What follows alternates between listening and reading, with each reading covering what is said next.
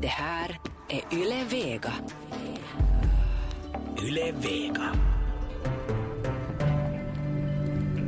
Hej och välkomna till Eftersnack. Det här är programmet där vi försöker göra upp om veckan som gått. På Yle Vega. På, här på Yle Vega. Men inte bara på Yle Vega idag, utan uh, vi är faktiskt på Lilla Teatern, på en scen I Helsingfors. i Helsingfors. Och Jeanette, du har hittat här, hit. Ja, hit hittar jag ju. Larsmo var det lite svårare med då. I våras. Men hörde nu när jag tittar på dig så tittar jag på dina skor. Ja, titta och så torra och fina de är. Ja, är, är, är det galoscher? Har du galoscher? Nej, vet du vad, jag har mina gummistövlar där i, i det här omklädningsrummet här på teatern. Du jag, by- du bytte? jag har Magnus kommit med gummistövlar, så gammal har jag blivit. Men det är ju trendigt, inte det något... Men det är trendigt att gå med gummistövlar när det inte regnar. Det är sant. Ja. Så, men går du med, går du med gummistövlar när det inte regnar? Nej, bara när det regnar. Ah, nu förstår jag. Ja. Bra. För en gångs skull fick du lite poäng av Tack. mig för det här. Tack. Det är ovanligt. Det är ovanligt. Rico Eklund är sidekick idag, skådespelare. Hur känns det att vara på scen? Det är mycket trevligt. Jag... Oj, det där är roligt. Och nu, nu kommer Rico att tala i ett streck från och med nu. Ja, så är det. Eh, Jag har faktiskt spelat på den här scenen, fast det är ganska många år sedan ren. Men, men det är mycket trevlig och intim scen att spela på. Också att bara att sitta här och prata känns bra. Sitter du bekvämt, Rico? Jag sitter mycket bekvämt. Bra. Ja, lite, du manspreadar lite här från början. Så som sig bör. Ja, bra. Men utmärkt, och vi har alltså en eh, tredje sidekick idag, det är publiken. Får vi höra lite ljud av er?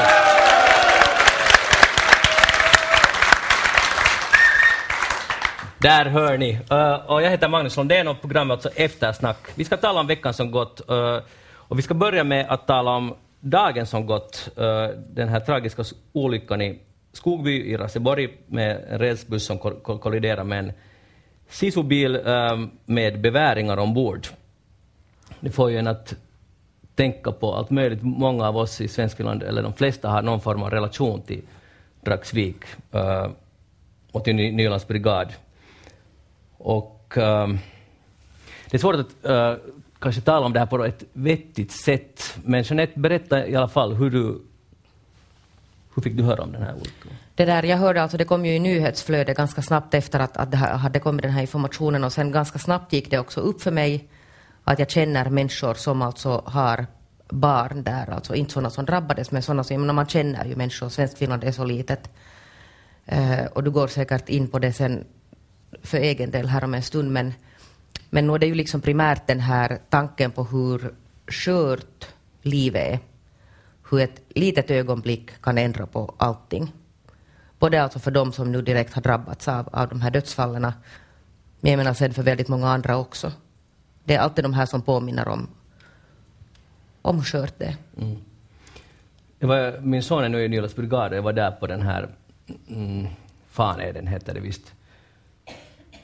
Och, även om jag själv har gått i Nylands brigad känns det, det är ju ganska länge sedan då, men det var faktiskt då första gången jag riktigt begrep hur stor institution det är i Svenskfinland. När man alltså såg den enorma mängden av människor.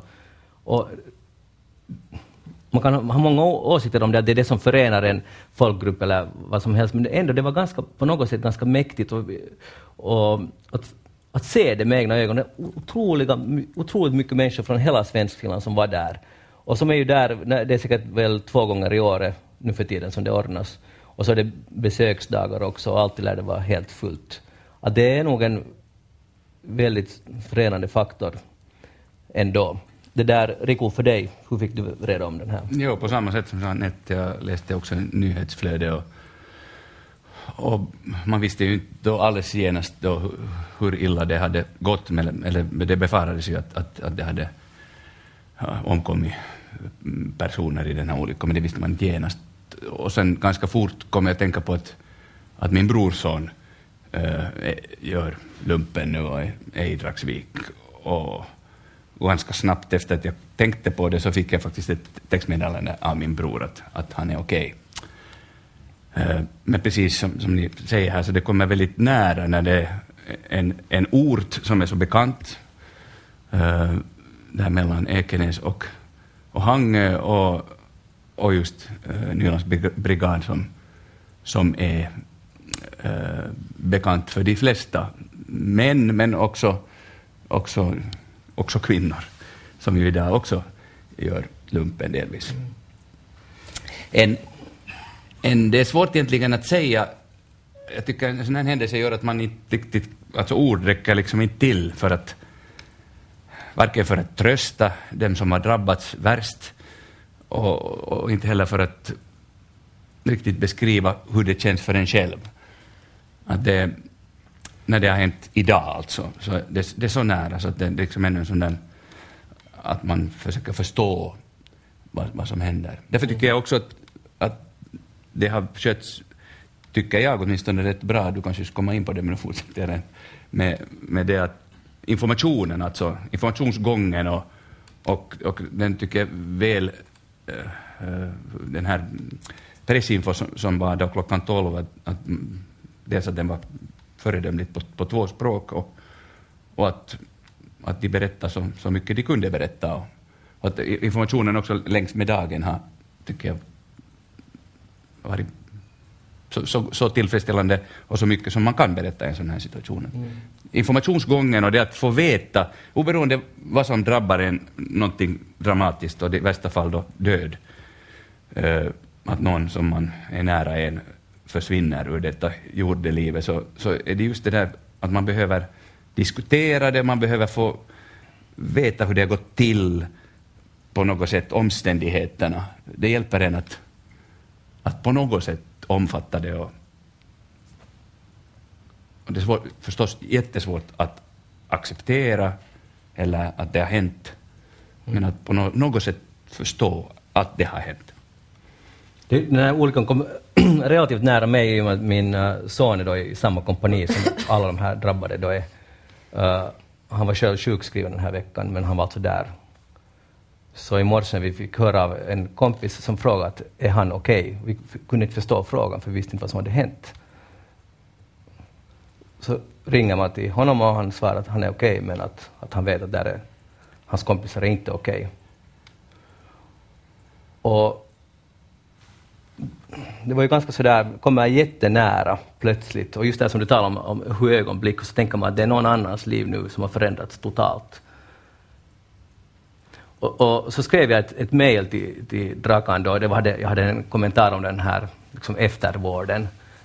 Inte kan jag säga varför jag nu skrev det, utan jag bara ville göra någonting. Och så skrev jag ett mejl och tänkte inte alls mer på det där mejlet. Sen en timme senare ringde det en, en, eh, någon stampersonal och presenterade sig att här ringer hm, hm från Nylands brigad, att det är Magnus Lundén. Och fast jag visste att min son, jag hade just talat med honom, jag visste att han var, han var okej. Okay. Så det, det, var som ett sting i mitt hjärta när, det, när man får det här samtalet. Så tänkte jag att det här är det där samtalet som nu kommer. Fast jag alltså visste det. Och, och, och, att han lever. Och då, och då när jag tänkte på den här reaktionen så tänkte jag sen att, att tänk på de där anhöriga till de här tre som omkom, som försöker få tag på sin, sina söner. Och så ringer telefonen ett okänt nummer och presenterar sig. Det kanske är en, eller kanske de inte ringer, jag vet inte hur det går till, kanske de går, ringer på dörren. Men den där väntan och ovissheten och sen kommer det där, det, det, det är ju det är obeskrivligt helt enkelt. Vi talar ju på dagen och det där och, och, då talar vi just om det här att man inte får, de har ju inte fått tag alltså på, på alla där på dagen. Det har ju varit ganska kaos där. Och, och telefonerna. Fått tag på jo, jo, alltså nu, men då... Alltså, vi, vi, fyra var det ju, alltså det var tre, tre Det var en på tåget också, ja. Plus, ja. Men vi talar ju då när det, när det ännu var ganska sådär kaotiskt. Och jag påminner mig om den här, alltså jag var där i Konginkangas efter den här bussolyckan. Så bara den här scenen alltså, vet ni, av, av telefoner som ringer som ingen någonsin mera svarar i. Och hur många föräldrar som har varit alltså i panik idag när de har ringt och ingen har svarat innan det sen ändå har visat sig. Nu är det ju många skadade också. Och de hade ju inte telefonen med sig i Nej. skogen. Vilket men jag menar, det är ju det vad man intuitivt gör, man börjar ringa. Naturligtvis.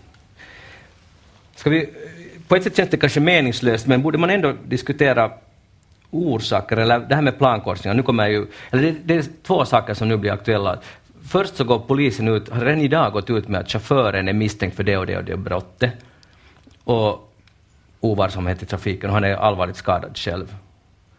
Och han är en beväring. Det fanns ingen stampersonal i, i, i den här lastbilen, eller den här sisun. Mm. Och jag, jag, måste säga att jag tycker att det är ganska osmakligt. Eller på något sätt o... Det, det, inte, det kändes inte bara rätt att nu, det är den här chaufförens Kaverin som har fått sätta livet till och det är ett mänskligt fel. Han har, det förstår ju alla att han borde inte ha kört där han körde. Men att gå ut samma dag, han, kanske han inte kämpar mer för sitt liv, men han är i alla fall allvarligt skadad och han kommer att leva med det här forever. Och sen ännu komma ut med det här. Samtidigt förstår jag att polisen gör sitt jobb. Men, men är det liksom rätt att... kan man ha en åsikt om det här? Jo, man kan, alltså jag, jag håller helt med. Jag reagerar på samma sätt att jag tyckte att det var onödigt att peka ut så att säga någon som har någon skyldig på sätt och vis till den här fruktansvärda olyckan. Men kan det finnas ett, ett behov av att hitta en skyldig? Jo, men som Men du alltså sa, då- man behöver inte samma dag det händer genast komma med en sån... När man annars också... eh, jag tror att han talar om den här som... eh, jag vet, vet inte vad han, han, hans titel var, men den här, den här utredningsgruppen. Så sa att, att, liksom, att det, det tar ett år eller någonting innan det, liksom allt är så att säga klart. Och då tycker jag att kan man då inte men kanske vänta ett år, men åtminstone en dag eller lite Ja, längre än alltså- några timmar med att säga att någon har haft en skuld i den här Jag, jag tror alltså framförallt för att då när de kom ut med den här första gången, jag tror att det var Helsingin Sanomat faktiskt som först hade ut den här informationen, så visste man fortfarande egentligen ingenting om hur det här hade gått till. Så det var liksom en sån här bedömning. Sen kom det ju, alltså det har ju kommit längs med dagen sen då sådana liksom någon slags sådana teorier om hur den här alltså olyckan konkret har gått till, alltså hur tåget har kommit, hur bilarna har kört där och, och det här. Men då i det här skedet så, så då visste man ju knappt ens det. Nej, jag får lite känslan, uh, det är kanske inte heller så konstruktivt, men jag kan ändå säga att jag får känslan av att, av att Försvarsmakten gärna vill, eller polisen, någon vill visa på det så att säga, ett enskilt mänskligt misstag. Det är därför det finns liksom en skyldig, att det är inte ett systemfel. För att, för att det har varit andra olyckor där man kan nog tala om att hur kunde säkerheten liksom Uh, den här skjutolyckan i, i Nylands brigad som inte var så länge sedan, hur, hur kunde det egentligen ske? Det är ju jätte, jättekonstigt. Och nu vill man inte ha den diskussionen igen.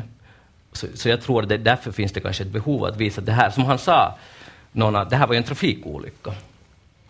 Att det ska kunna vara en civilbil som körde där. Och det, det är ju sant, det sker många sådana plankorsningsolyckor varje år i, i Finland.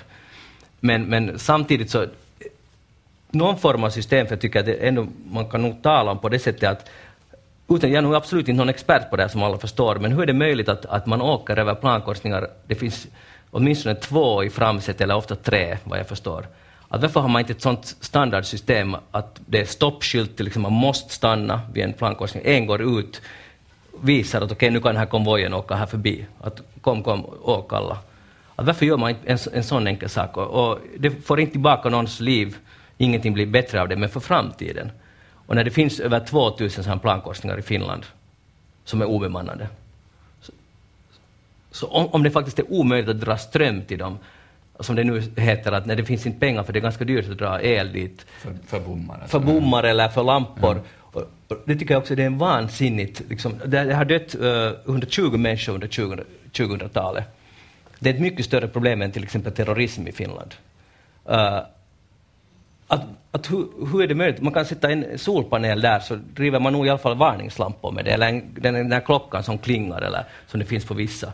Att inte det här är något olösligt problem. Man kanske aldrig kan få ner det helt och hållet eller försvinna de här dödsolyckorna, men 120 människor är ändå ganska många. Och det är ju mänskliga misstag. Man borde ju absolut aldrig köra över utan stanna totalt och verkligen titta och sen köra över. Men, men ändå, att nu är, det, nu är det lite besynnerligt tycker jag. Eller tycker ni att jag är ute på fel spår här? Nej, jag tycker inte att du är ute på fel spår. Men, Ja. Nå, Men det är ju alltid det här å andra alltså- det, ja, eller. Ja, alltså efter, alltså när sånt här händer så, så söker man ju, alltså det, det, det, det uppstår alltid en sån här väldigt alltså eldig debatt.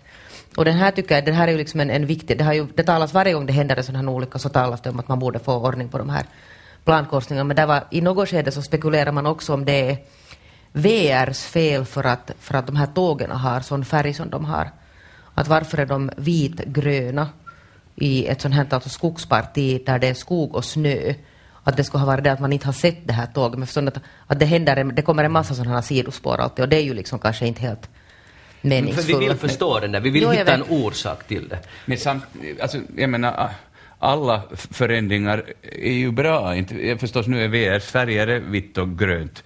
Men förr när jag var barn, vi, eh, så, kanske inte du som är yngre, men, men det där, så var, fanns det såna orangea lok. Och, och den ser man ju alltså. Det, visst nu finns det en säkerhets, aspekt också i en färgen på, på bilar också förstås, och, varför inte på ett, ett lok, eh, ett tåg. Det där, mm, och det att man skulle... Anne Berner, kommunikationsministern, föreslog att den, den då säkraste lösningen att man, att man helt och hållet skippar de här plankorsningarna, men det blir ju otroligt dyrt om de alla ska, att det ska bli alltså plan, vad heter det, skilda korsningar. Um, eller då att man tar bort dem helt och hållet, för många är ju jätteviktiga, även om det inte passerar många bilar per dag, så, så kan de vara kanske till och med den enda vägen ut från något ställe. Alltså jag vidhåller att, att, att det är löjligt, förlåt nu ordet, det är löjligt att påstå att det här inte ska gå att lösa. Mm. För att vi är trots allt, det här är Finland, ett i-land.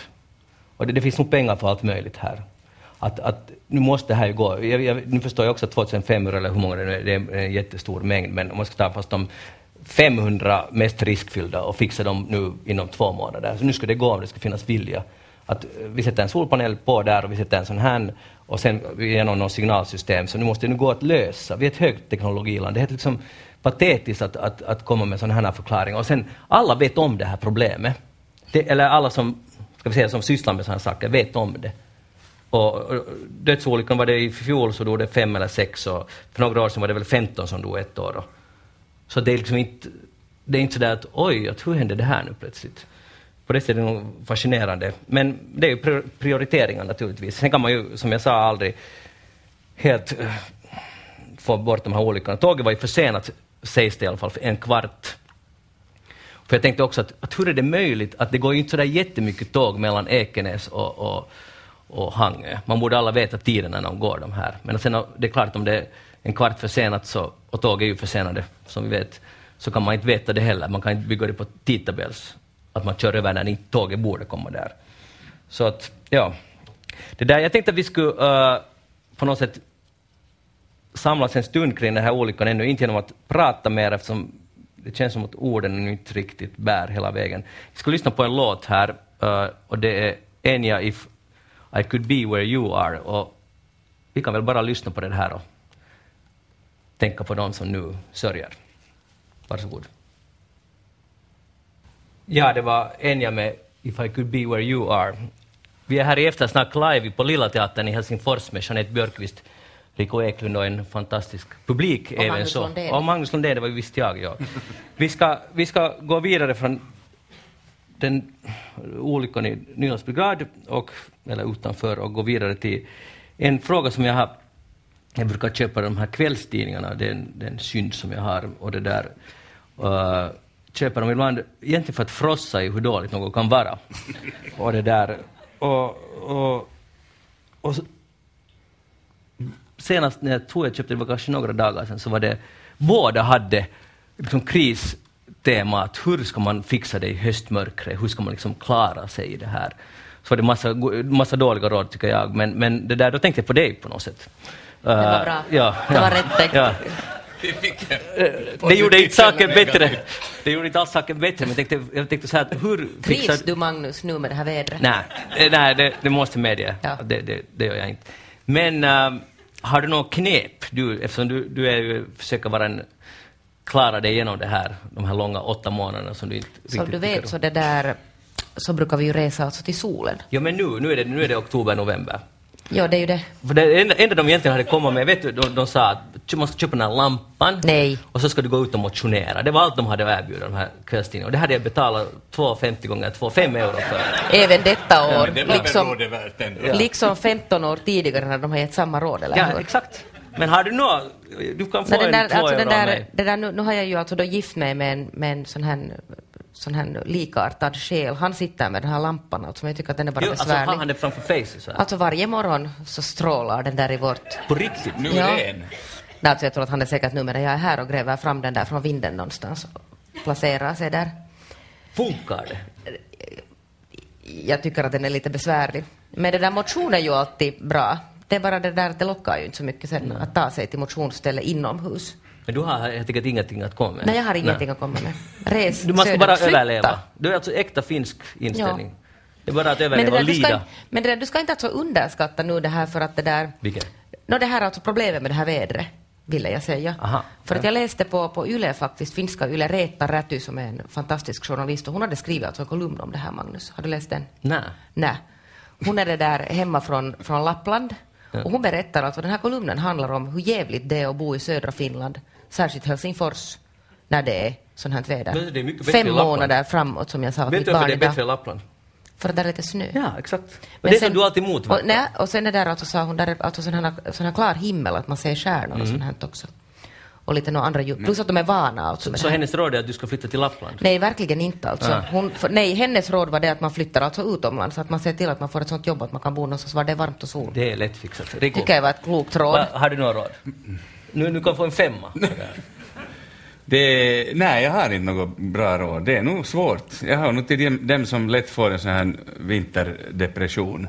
Eh, Den har inte kommit ännu, men jag vet att den, den kommer där. Hur kan du veta att den kommer? Nå, För den brukar komma ungefär samma tid Du varje kan år. inte bestämma att nu får den inte komma. Nå, nu kan jag försöka bestämma, men det är nu svårt att eh, liksom eh, locka den åt något annat håll, den där vinterdepressionen.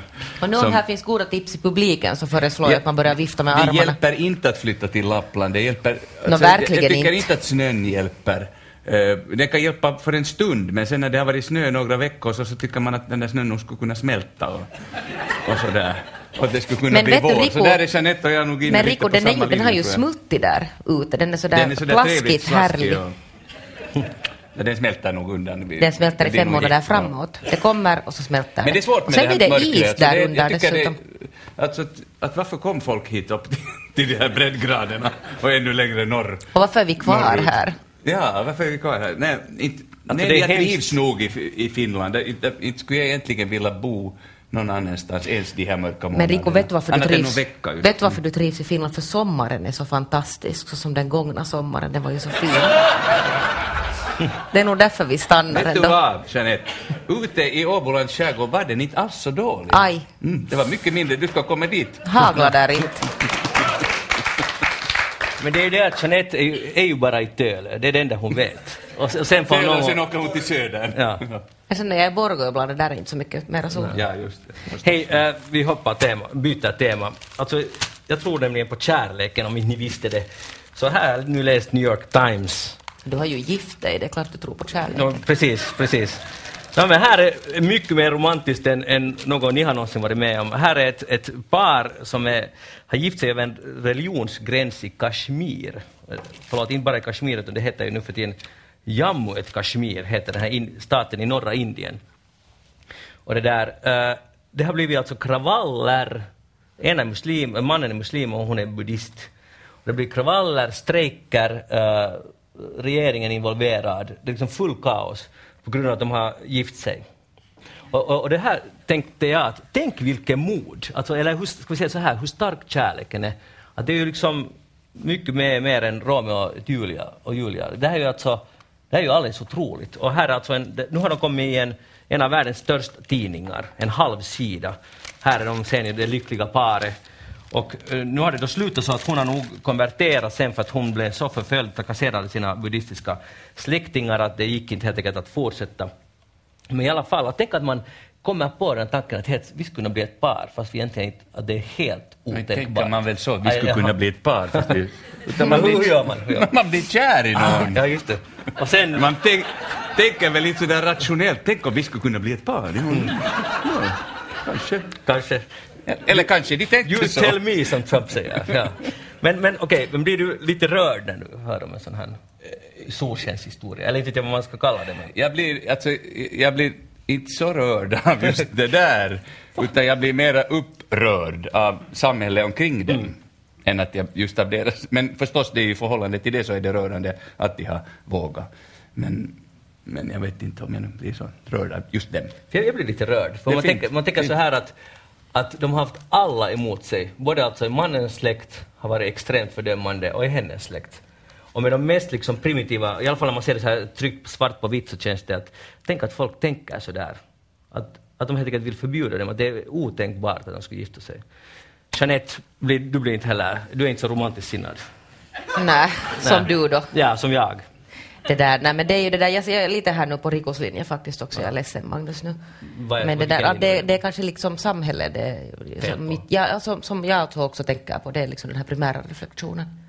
Mm. Att nå det ju liksom från någonstans Men ifrån. behöver vi gå så, i ett his, längre historiskt perspektiv behöver vi inte gå så jättelångt tillbaka i tiden i det här landet också, när liknande saker har varit mycket upprörande, kanske nu kravaller, men, men där alltså släkter har tagit avstånd och där det har blivit mycket stora problem av just det, när två olika... Kärleken. Kärleken har gått över uh, troslinjer, Eller klass. trossamfund, eller, Eller klass. klass. Ja, precis. Tänk att man ska ha så mycket åsikter om, om, om någon annans kärlek. Är det, är det inte ganska intressant att, att man ska blanda sig i en sån sak?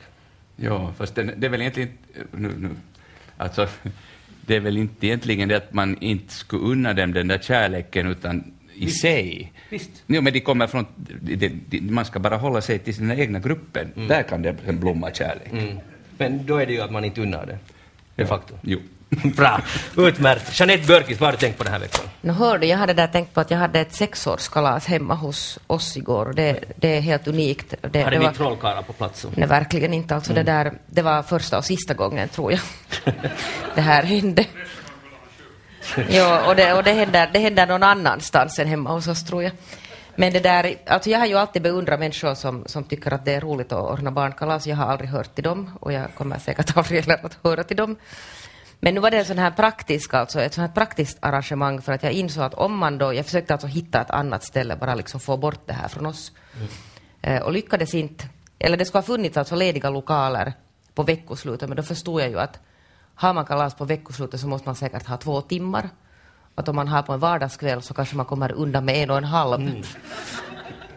Och, och det här var säkert helt rätt tänkt, så jag tänker att, men, att, att man, man fixar väl en och en halv timme, att hur, liksom, hur farligt kan det vara? Och det var ju ganska mycket nog, kände jag sen. Hur mycket folk var där? No, där var inte alltså mer än tio sexåringar, men det var ganska mycket ändå, kände jag. Jag blir så ny- nyfiken. Uh, vad, vad bjöd du på? Hade du... Alltså vet du vad, nu har jag ju det där sådana goda vänner, alltså det var en annan flicka som var lite med sådär på, på hörnet och hennes mamma är jättebra på att baka så hon hade ju fixat det. Så du gjorde, gjorde du något själv? Det där... Uh, uh, Säg nu du är bland vänner här nu. Jo, det där, jag hällde nog upp liksom i skålar. Chips. Någonting. Och sen skaffade jag det där faktiskt uh, sådana här, någon sån här papperstallrikar. Ah, För, det var nog ganska... Det var, det var storartat. Alltså det är så att barnen kommer ihåg att min mamma, hon gjorde allt för mig. Papperstallrikar. Ja. ja, men det där... Men det var, det var Barbie-tallrikar. Var det? Det var väl fint. Det var fint. Ja. Men det där, jag tror att barnen hade alltså det är jättetrevligt. Men sen det där förde jag, förde jag min dotter då till, till förskolan och de frågade att hur gick kalaset? Och jag sa att min respekt för er alltså ökar varje gång jag har fler än två eller tre barn alltså omkring mig.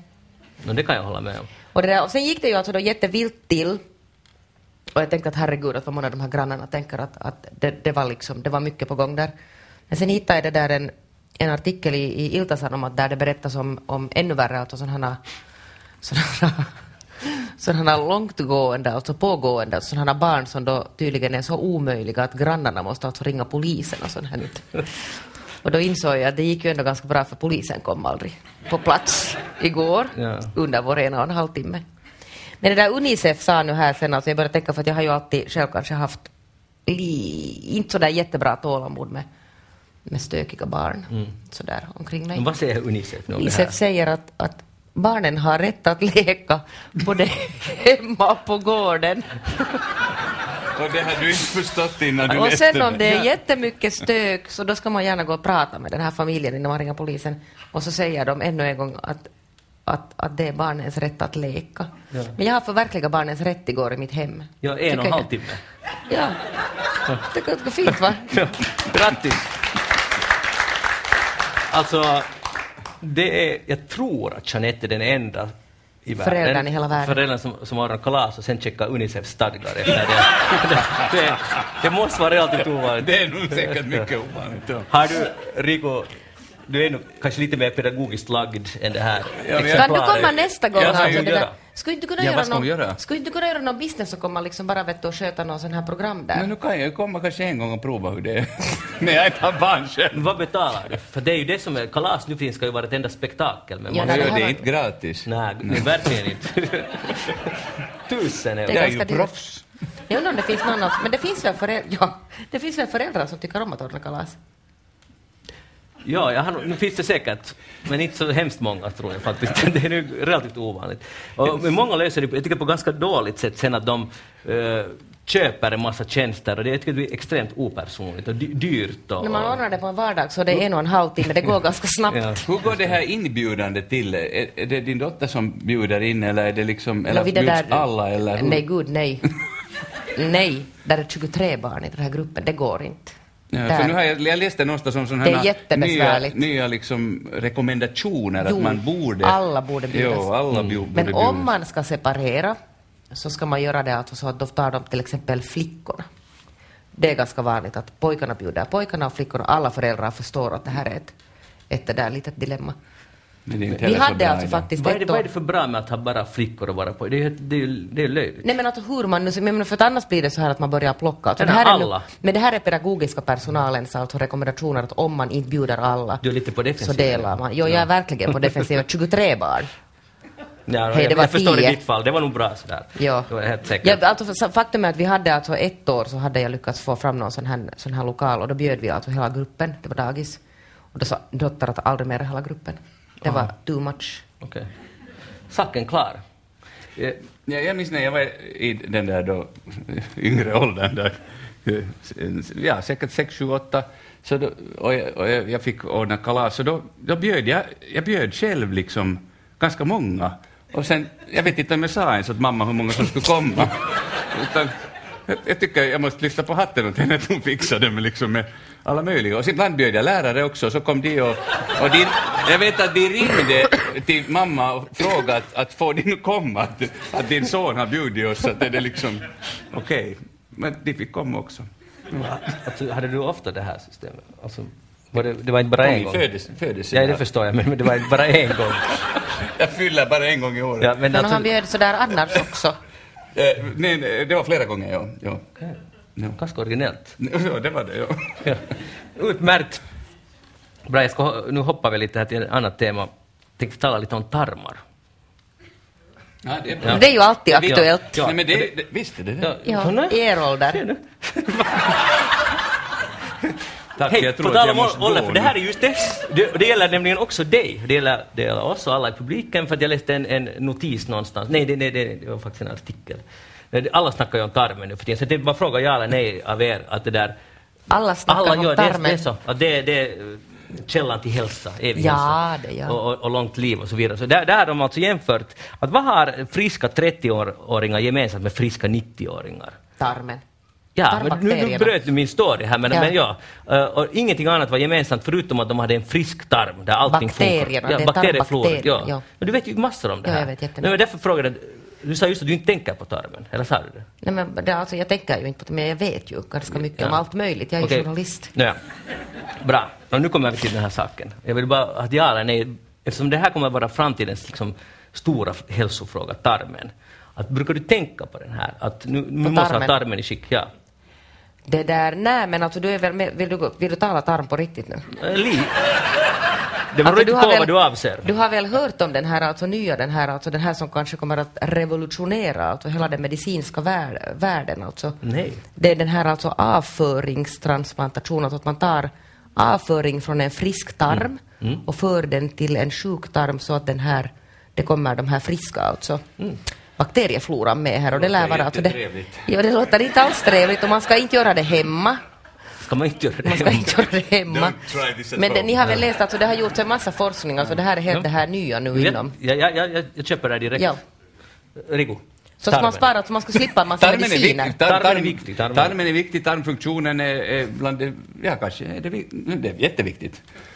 Det vi äter och att vi andas och, och att det kommer ut. Så det där... Det, Det det, var på djupet. Det var på djupet. Det, nu, jag tänker gå vidare nu. Jaha. Ja. Men vad är- hade du själv att säga om den här jag, jag vill tarmen? bara checka, jag vill bara ta så här puls för att jag vet. Men jag, tänker du själv på tarmen? jo, jag, jag har nu börjat tänka mer när jag läser sådana artiklar. alltså, hur tar det sig uttryck? Att man borde göra något. Men vad? Jag, jag, vet, jag har ingen aning. men du borde använda tarmen, gör du det? Jag, det, det, det gör jag. Inte nu. nej. Oftare än du ordnar kalas i alla fall. Ja. Men Rico Eklund, vad har du tänkt på den här veckan?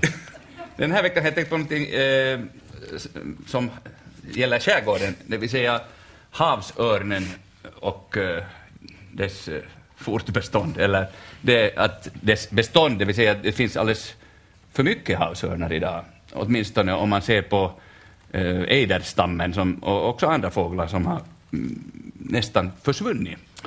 Eh, och, det- och det har lite sådär ah, att nojo, inte det, det är nu sådär normalt, det går lite upp och det går lite ner och inte det är nu någon kris.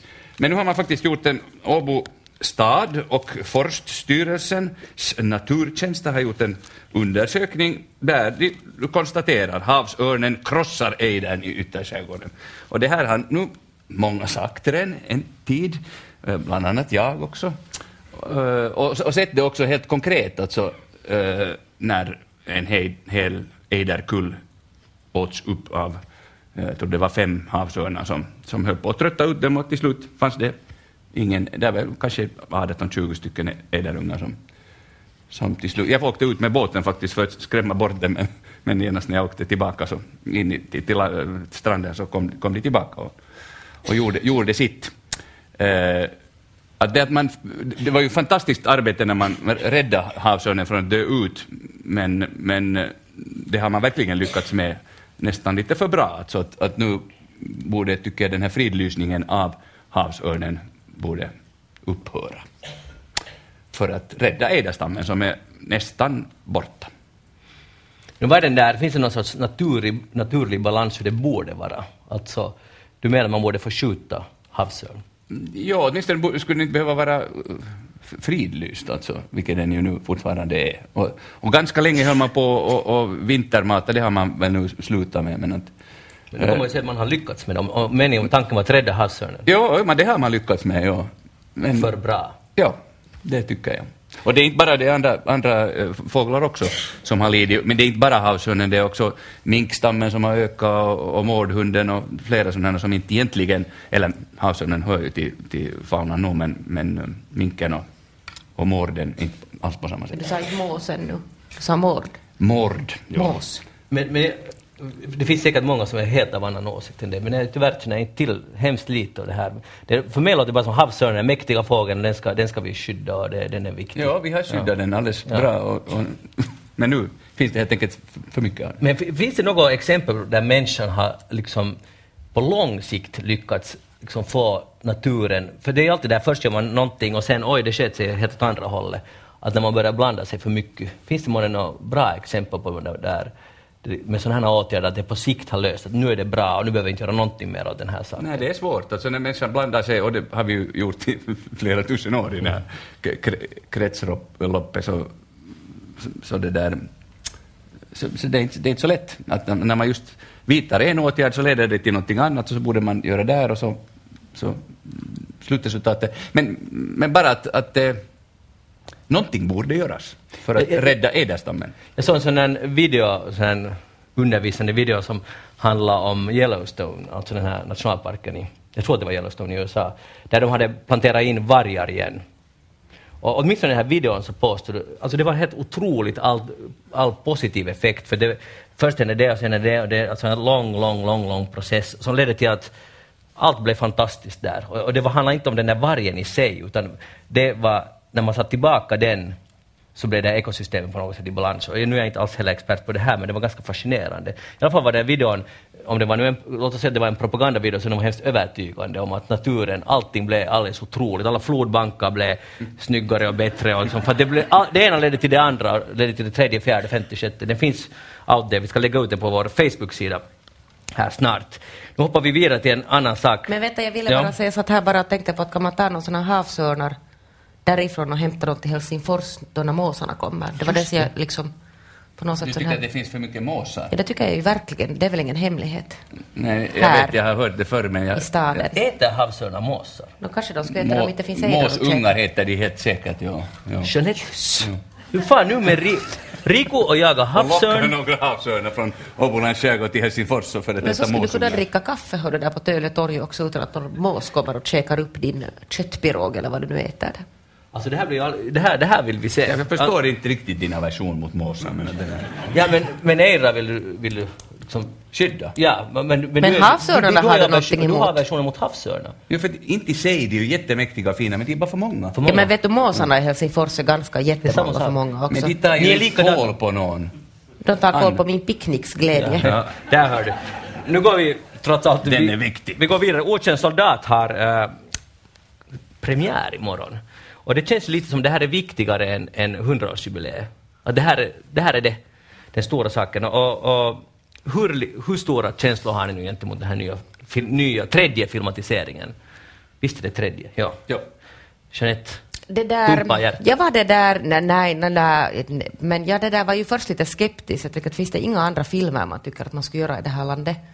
Men det där, sen råkade jag vara på den här Helsingin Sanomat har en sån här teaterföreställning som heter Musta laatikko. Det är alltså journalister som berättar om den här bakgrunden. Och där var sen plötsligt överraskande han den här, vars namn jag inte minns, den här skådisen som spelar den här Rocka. Och sen visar de lite alltså sån här, sån här material, ännu inte visat material och lite hemligt och bortklippt material och allt möjligt sånt visades där. Och då blev jag lite så där imponerad och tänkte att kanske det nu inte är helt fel. Det är väl Eero Aho, tror jag. Ja, just det, Eero, tack. Att, det där, att kanske jag faktiskt till och med inte tackar nej om någon Magnus bjuder mig och tittar på den. Rico bjuder dig. Jag kan bjuda dig. Ja, Kan du bjuda mig också? ja, ja, vi går tillsammans. Trevligt. Eftersnacks okänd soldat. Men, men det där, om vi ställer en kritisk fråga, är det inte lite, på något sätt ändå ett fattighetstecken från Jo. ett land, att, att det här är nu det som, så som vi firar våra Ja. hundra år. Vi har firat det på massa olika sätt, men det här är det som får mest publicitet. Ja, ändå. och massor, alltså, ja, no, det också, ja. Men sen det där, det här att, att, tycker du att man ska göra den här tredje versionen? Är det bra eller dåligt? Eh, ja, alltså som jag sa, jag tycker att det är en helt bra en del av ett... Det är en film och det, och det är helt nice att den görs om det finns pengar, så varför inte? Men, men det berättar jättemycket om Finland. Att det, det, har ju gått, det är ju en jättedyr satsning och det kan vara hur bra som helst, men det finns ju två alldeles bra versioner än. Och okay, nu kan man tänka, sig att en ny generation behöver en ny film. Och, jag menar, inte har jag något, emot det, men jag tycker att det, mm, det är intressant att analysera det, att det är så här när vi tittar tillbaka på våra hundra år, så igen är det det här kriget som är, är grejen. Och det måste göras en ny film. uh, och, och även om det är en, egentligen en fredsbok, så är det inte den, de signalerna jag får inte av den här filmen, utan det är mer någon sorts uh, stolthet uh, som är helt berättigad i och för sig. Nu slingrar jag in mig i det här Jo, argumentationen, men det är just, jag tycker du slingrar det ganska intressant in dig, för att det är just lite så där jag också upplever det att, att nu har jag förstått just sådana som har haft, haft frågetecken och undrat varför ska man göra en tredje och det är helt onödigt och det finns ju två, kan vi inte göra någon annan vinkling på om man vill göra om kriget än okänd soldat, men som sen har sett den och som har sagt att den är helt fantastisk eh, på de här förhandsvisningarna som har varit. Eh, och, och jag, jag själv också jag tycker att det skulle vara intressant att se någon annan historia om kriget. Eh, till exempel ur ett kvinnoperspektiv, eller, eller både och. Att nu är det ju, fast man nu tydligen har tagit med lite liksom hemmafronten på något sätt, lite mera än vad den finns i ursprungsromanen också och i de två tidigare filmerna. Eh, så, så, så är, kvinnorna i den filmen ju helt bara liksom statister. Filmen är ju alltså, en, eller boken också, är en stark liksom, kamratskap och det kollektiva. Det, det är ju liksom en jättestark berättelse. Så det är ju inte alls den där verket i sig som man, som man kan diskutera eller argumentera mot, utan det är mera igen det där att, jag, jag håller med dig om att var finns den här filmen om hemmafronten till exempel? Eller, eller, eller livet efter kriget? Men det kanske kommer. Alltså, vi, men det är just som du säger, det säger mycket om Finland, om oss. Alltså, att vi, jag tror att det, är just, det behövs liksom ännu, åtminstone ännu en generation. Alltså de människor som ännu i, idag är barn och ännu träffar sådana som har varit med i kriget påverkas. Ännu den generationen, de som nu, men om tio år, de som föds, kommer inte mera att ha den här på sätt och vis direkt, eller indirekta men ändå direkta kopplingar till kriget som alla vi som har träffat någon eller många som har varit med i kriget har. Att, att, där ser man bara hur ett krigssituation, vilket otroligt trauma det är, att det hänger kvar så länge. Eller om man talar då om, om kriget 1918, som väl Henrik Menander brukar säga eller en, en del av första världskriget, alltså vårt inbördeskrig, som ju trots att det inte... Eller ja, det finns sådana som har träffat sådana som var med, men de är väldigt gamla. Eh, så, så hänger den med. Det är förstås en, en mycket mer traumatisk händelse eh, än, än det här eh, vinterkriget och fortsättningskriget. Men vi ska, eh, du, du är alltså på väg på filmen, Rico bjuder. Ja. Jag är också på väg, Rico bjuder också mig. Men vi frågar publiken här, uh, klappa de som tänker gå på den här filmen. Som tänker gå på den. Nej, inte alla. Och klappa ni som inte tänker gå på den. Okej, det är ungefär hälften, hälften. Det är ganska intressant. Eh, kanske det är just så det här är. Det här var nu en officiell gallup, opinionsmätning. Att Ja. man, kan, man kan se att Du kan skriva en nyhet på det här. Ja, ja. Bra. Uh, Rico, har du någonsin spelat bridge? Nej. Jag har inte spelat bridge. Inte? Du blev, nej, jag, du blev jätteförvånad. Nej, inte jag heller. Uh, Jeanette, har du spelat Nej, bridge? men vet du vad jag har gjort? No. Var det inte så att Husis förr hade sådana här Ja. bridge? Ja. Ja. Det gjorde vi alltså på kvällsturen. Vi satt och läste högt de här. Mm. Vad det nu sen var, alltså var det några lösningar eller nå, någonting. Och det lät ju som att man skulle hålla på och kriga. Alltså, vi hade jätteroligt. Vi läste högt de här bridge När ni var på jobb, alltså? På jobb, ja. Just det. Den här kvällsredaktionen. Det, det måste varit stressigt det där jobbet nog. Nej men det var mellan upplagorna, du vet. Ja. När man den här fem minuterna när man har tid så började vi läsa och tänkte att det är några så här hemliga krigskoder i de här. Men eh, ni känner till att det finns den här gamla debatten att är bridge en sport? Eh, det finns en sån debatt. Ja, och det har funnits i alla fall. Och nu, nu har det kommit ett, ett stort beslut i den här frågan. Att det är Nej, det är inte en sport. För EU-domstolen i Luxemburg har nu behandlat det här ärendet. Det här, det här är sant. Och de säger att det är inte sport, för det var nämligen så att English Bridge Union, som heter EBU, de hade eh, tagit, dragit det här dit för de, de ville få igenom, det är en sport därför att det är en liksom, det är ansträngande mentalt och man börjar må bra av det, precis som man mår av, av fysisk prestation, så mår man bra av att spela bridge, för man måste tänka och teambuilding och så där, det är ju fyra personer spelar, man två och två. Och det, där, och det gynnar den välmående, precis som vilken annan sport som helst. Men det här gick inte EU-domstolen i Luxemburg på. Nu säger de det är inte en sport och nu är saken avslutad i Europa för gott. Och, och det där... Trodde du? Trodde jag, ja. Kanske man kan överklaga ännu någonstans eh, till Unicef. Britterna brukar vara ganska envisa. Ja. Och, och orsaken till att de ville, det här var så viktigt, för det, det handlar som allt här i världen, handlar det om moms. mervärdes... Mervärdesskatt, Mervärdesskatt. För att om det skulle vara en sport så skulle det liksom vara billigare biljetter att gå och titta på bridge i, i England, i Storbritannien. Så här är det. Så människor sitter och tittar på bridge? På något sätt. Det, det låter obe- obegripligt, men så är det. Och, och, det där, och, och då, då skulle det vara billigare biljetter för man får momsen till noll om det är en sport. Alltså sånt här har vi råd att syssla med i Europa. Det är på det sättet Men det där, nu går de ju ut ur den här EU, så nu har de inte så mycket att hämta därifrån mera. Nej, just det, så fighten kommer ju att fortsätta. Nej, men de kan ju avgöra där för sig själva sen vad de Ja, de avgör. kan tycka att det är en sport. i- Ja, i Kanske England, det här är den här England, hemliga ja. orsaken bakom Brexit. Bridgen. Ja. Inte, det, inte det alls omöjligt, nej. Uh, brukar du dagdrömma ofta? Nej, jag har inte tid med sånt. Du har inte tid? Jag måste läsa bridge-regler eller lösningar eller vad det var. Rico, brukar du dag? Nej, är en dragdrömmar, men jag drömmer. Får jag berätta bara kort en dröm som jag hade? Det är nog gränsfall, men låt, låt gå. Alltså, jag tycker bara, apropå England, jag hade en så rolig dröm, för att jag var alltså på, i Buckingham Palace. På riktigt eller i drömmen? Nej, i drömmen, i drömmen. Och det där, och sådär, bara för att titta mig omkring. Och sen kom drottningen. På riktigt? ja, hon kom gående förbi. Ja, och sen sa jag, ja, Majesty. Och sen tittade hon på mig och så, och så, så log och så sa hon några vänliga ord till mig. Och det var hemskt trevligt. Vad är det i ditt under... Alltså du förstår Rico, det är någonting med det här undermedvetna som... som Jag har- vet, jag vad- vet. vad Jag skulle jättegärna träffa henne. Att han är, du är stolt, på riktigt, för att drottningen har talat med dig. För det kändes, när jag vaknade så kändes det som om det skulle ha hänt. Det var så roligt, hon var hemskt vänlig. Jo, jo. Ja.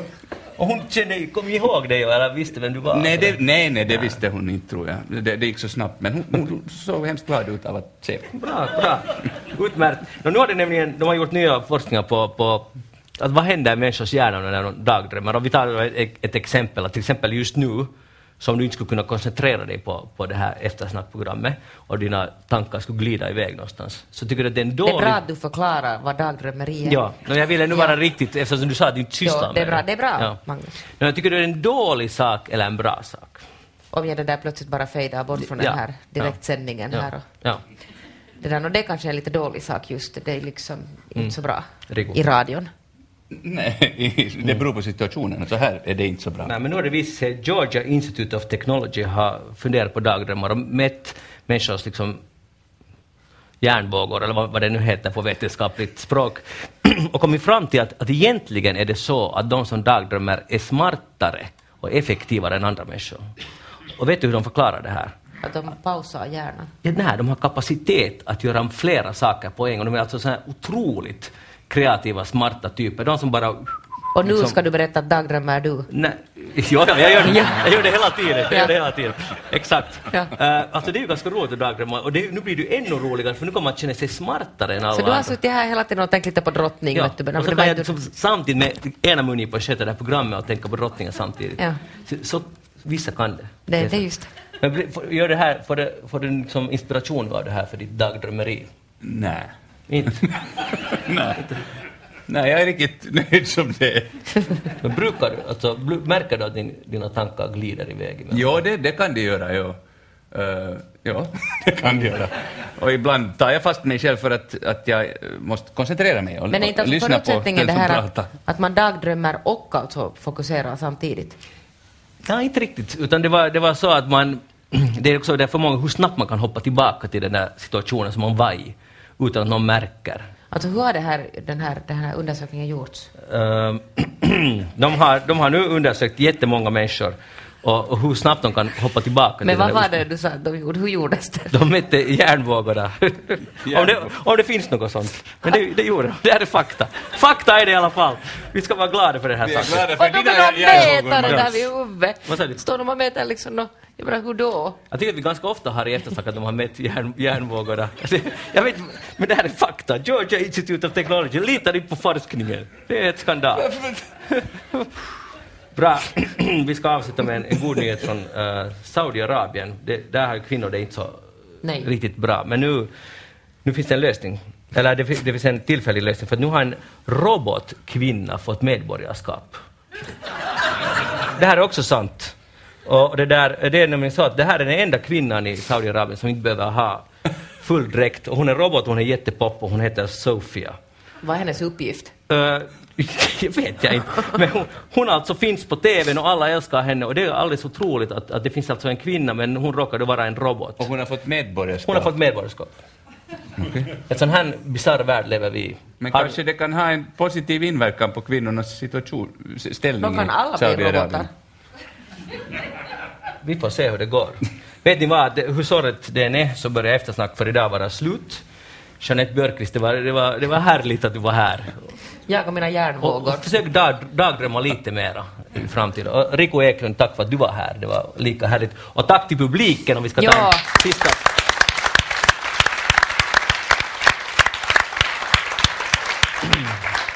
Jag heter Magnus Lundén och programmet var alltså Eftersnack. Vi är slut för idag. Vi hörs igen på fredag om en vecka då vi kommer att snacka om dittan och dattan och ni kan gå in på facebook.com eftersnack om ni vill fortsätta diskussionen. Hej då och ha det bra!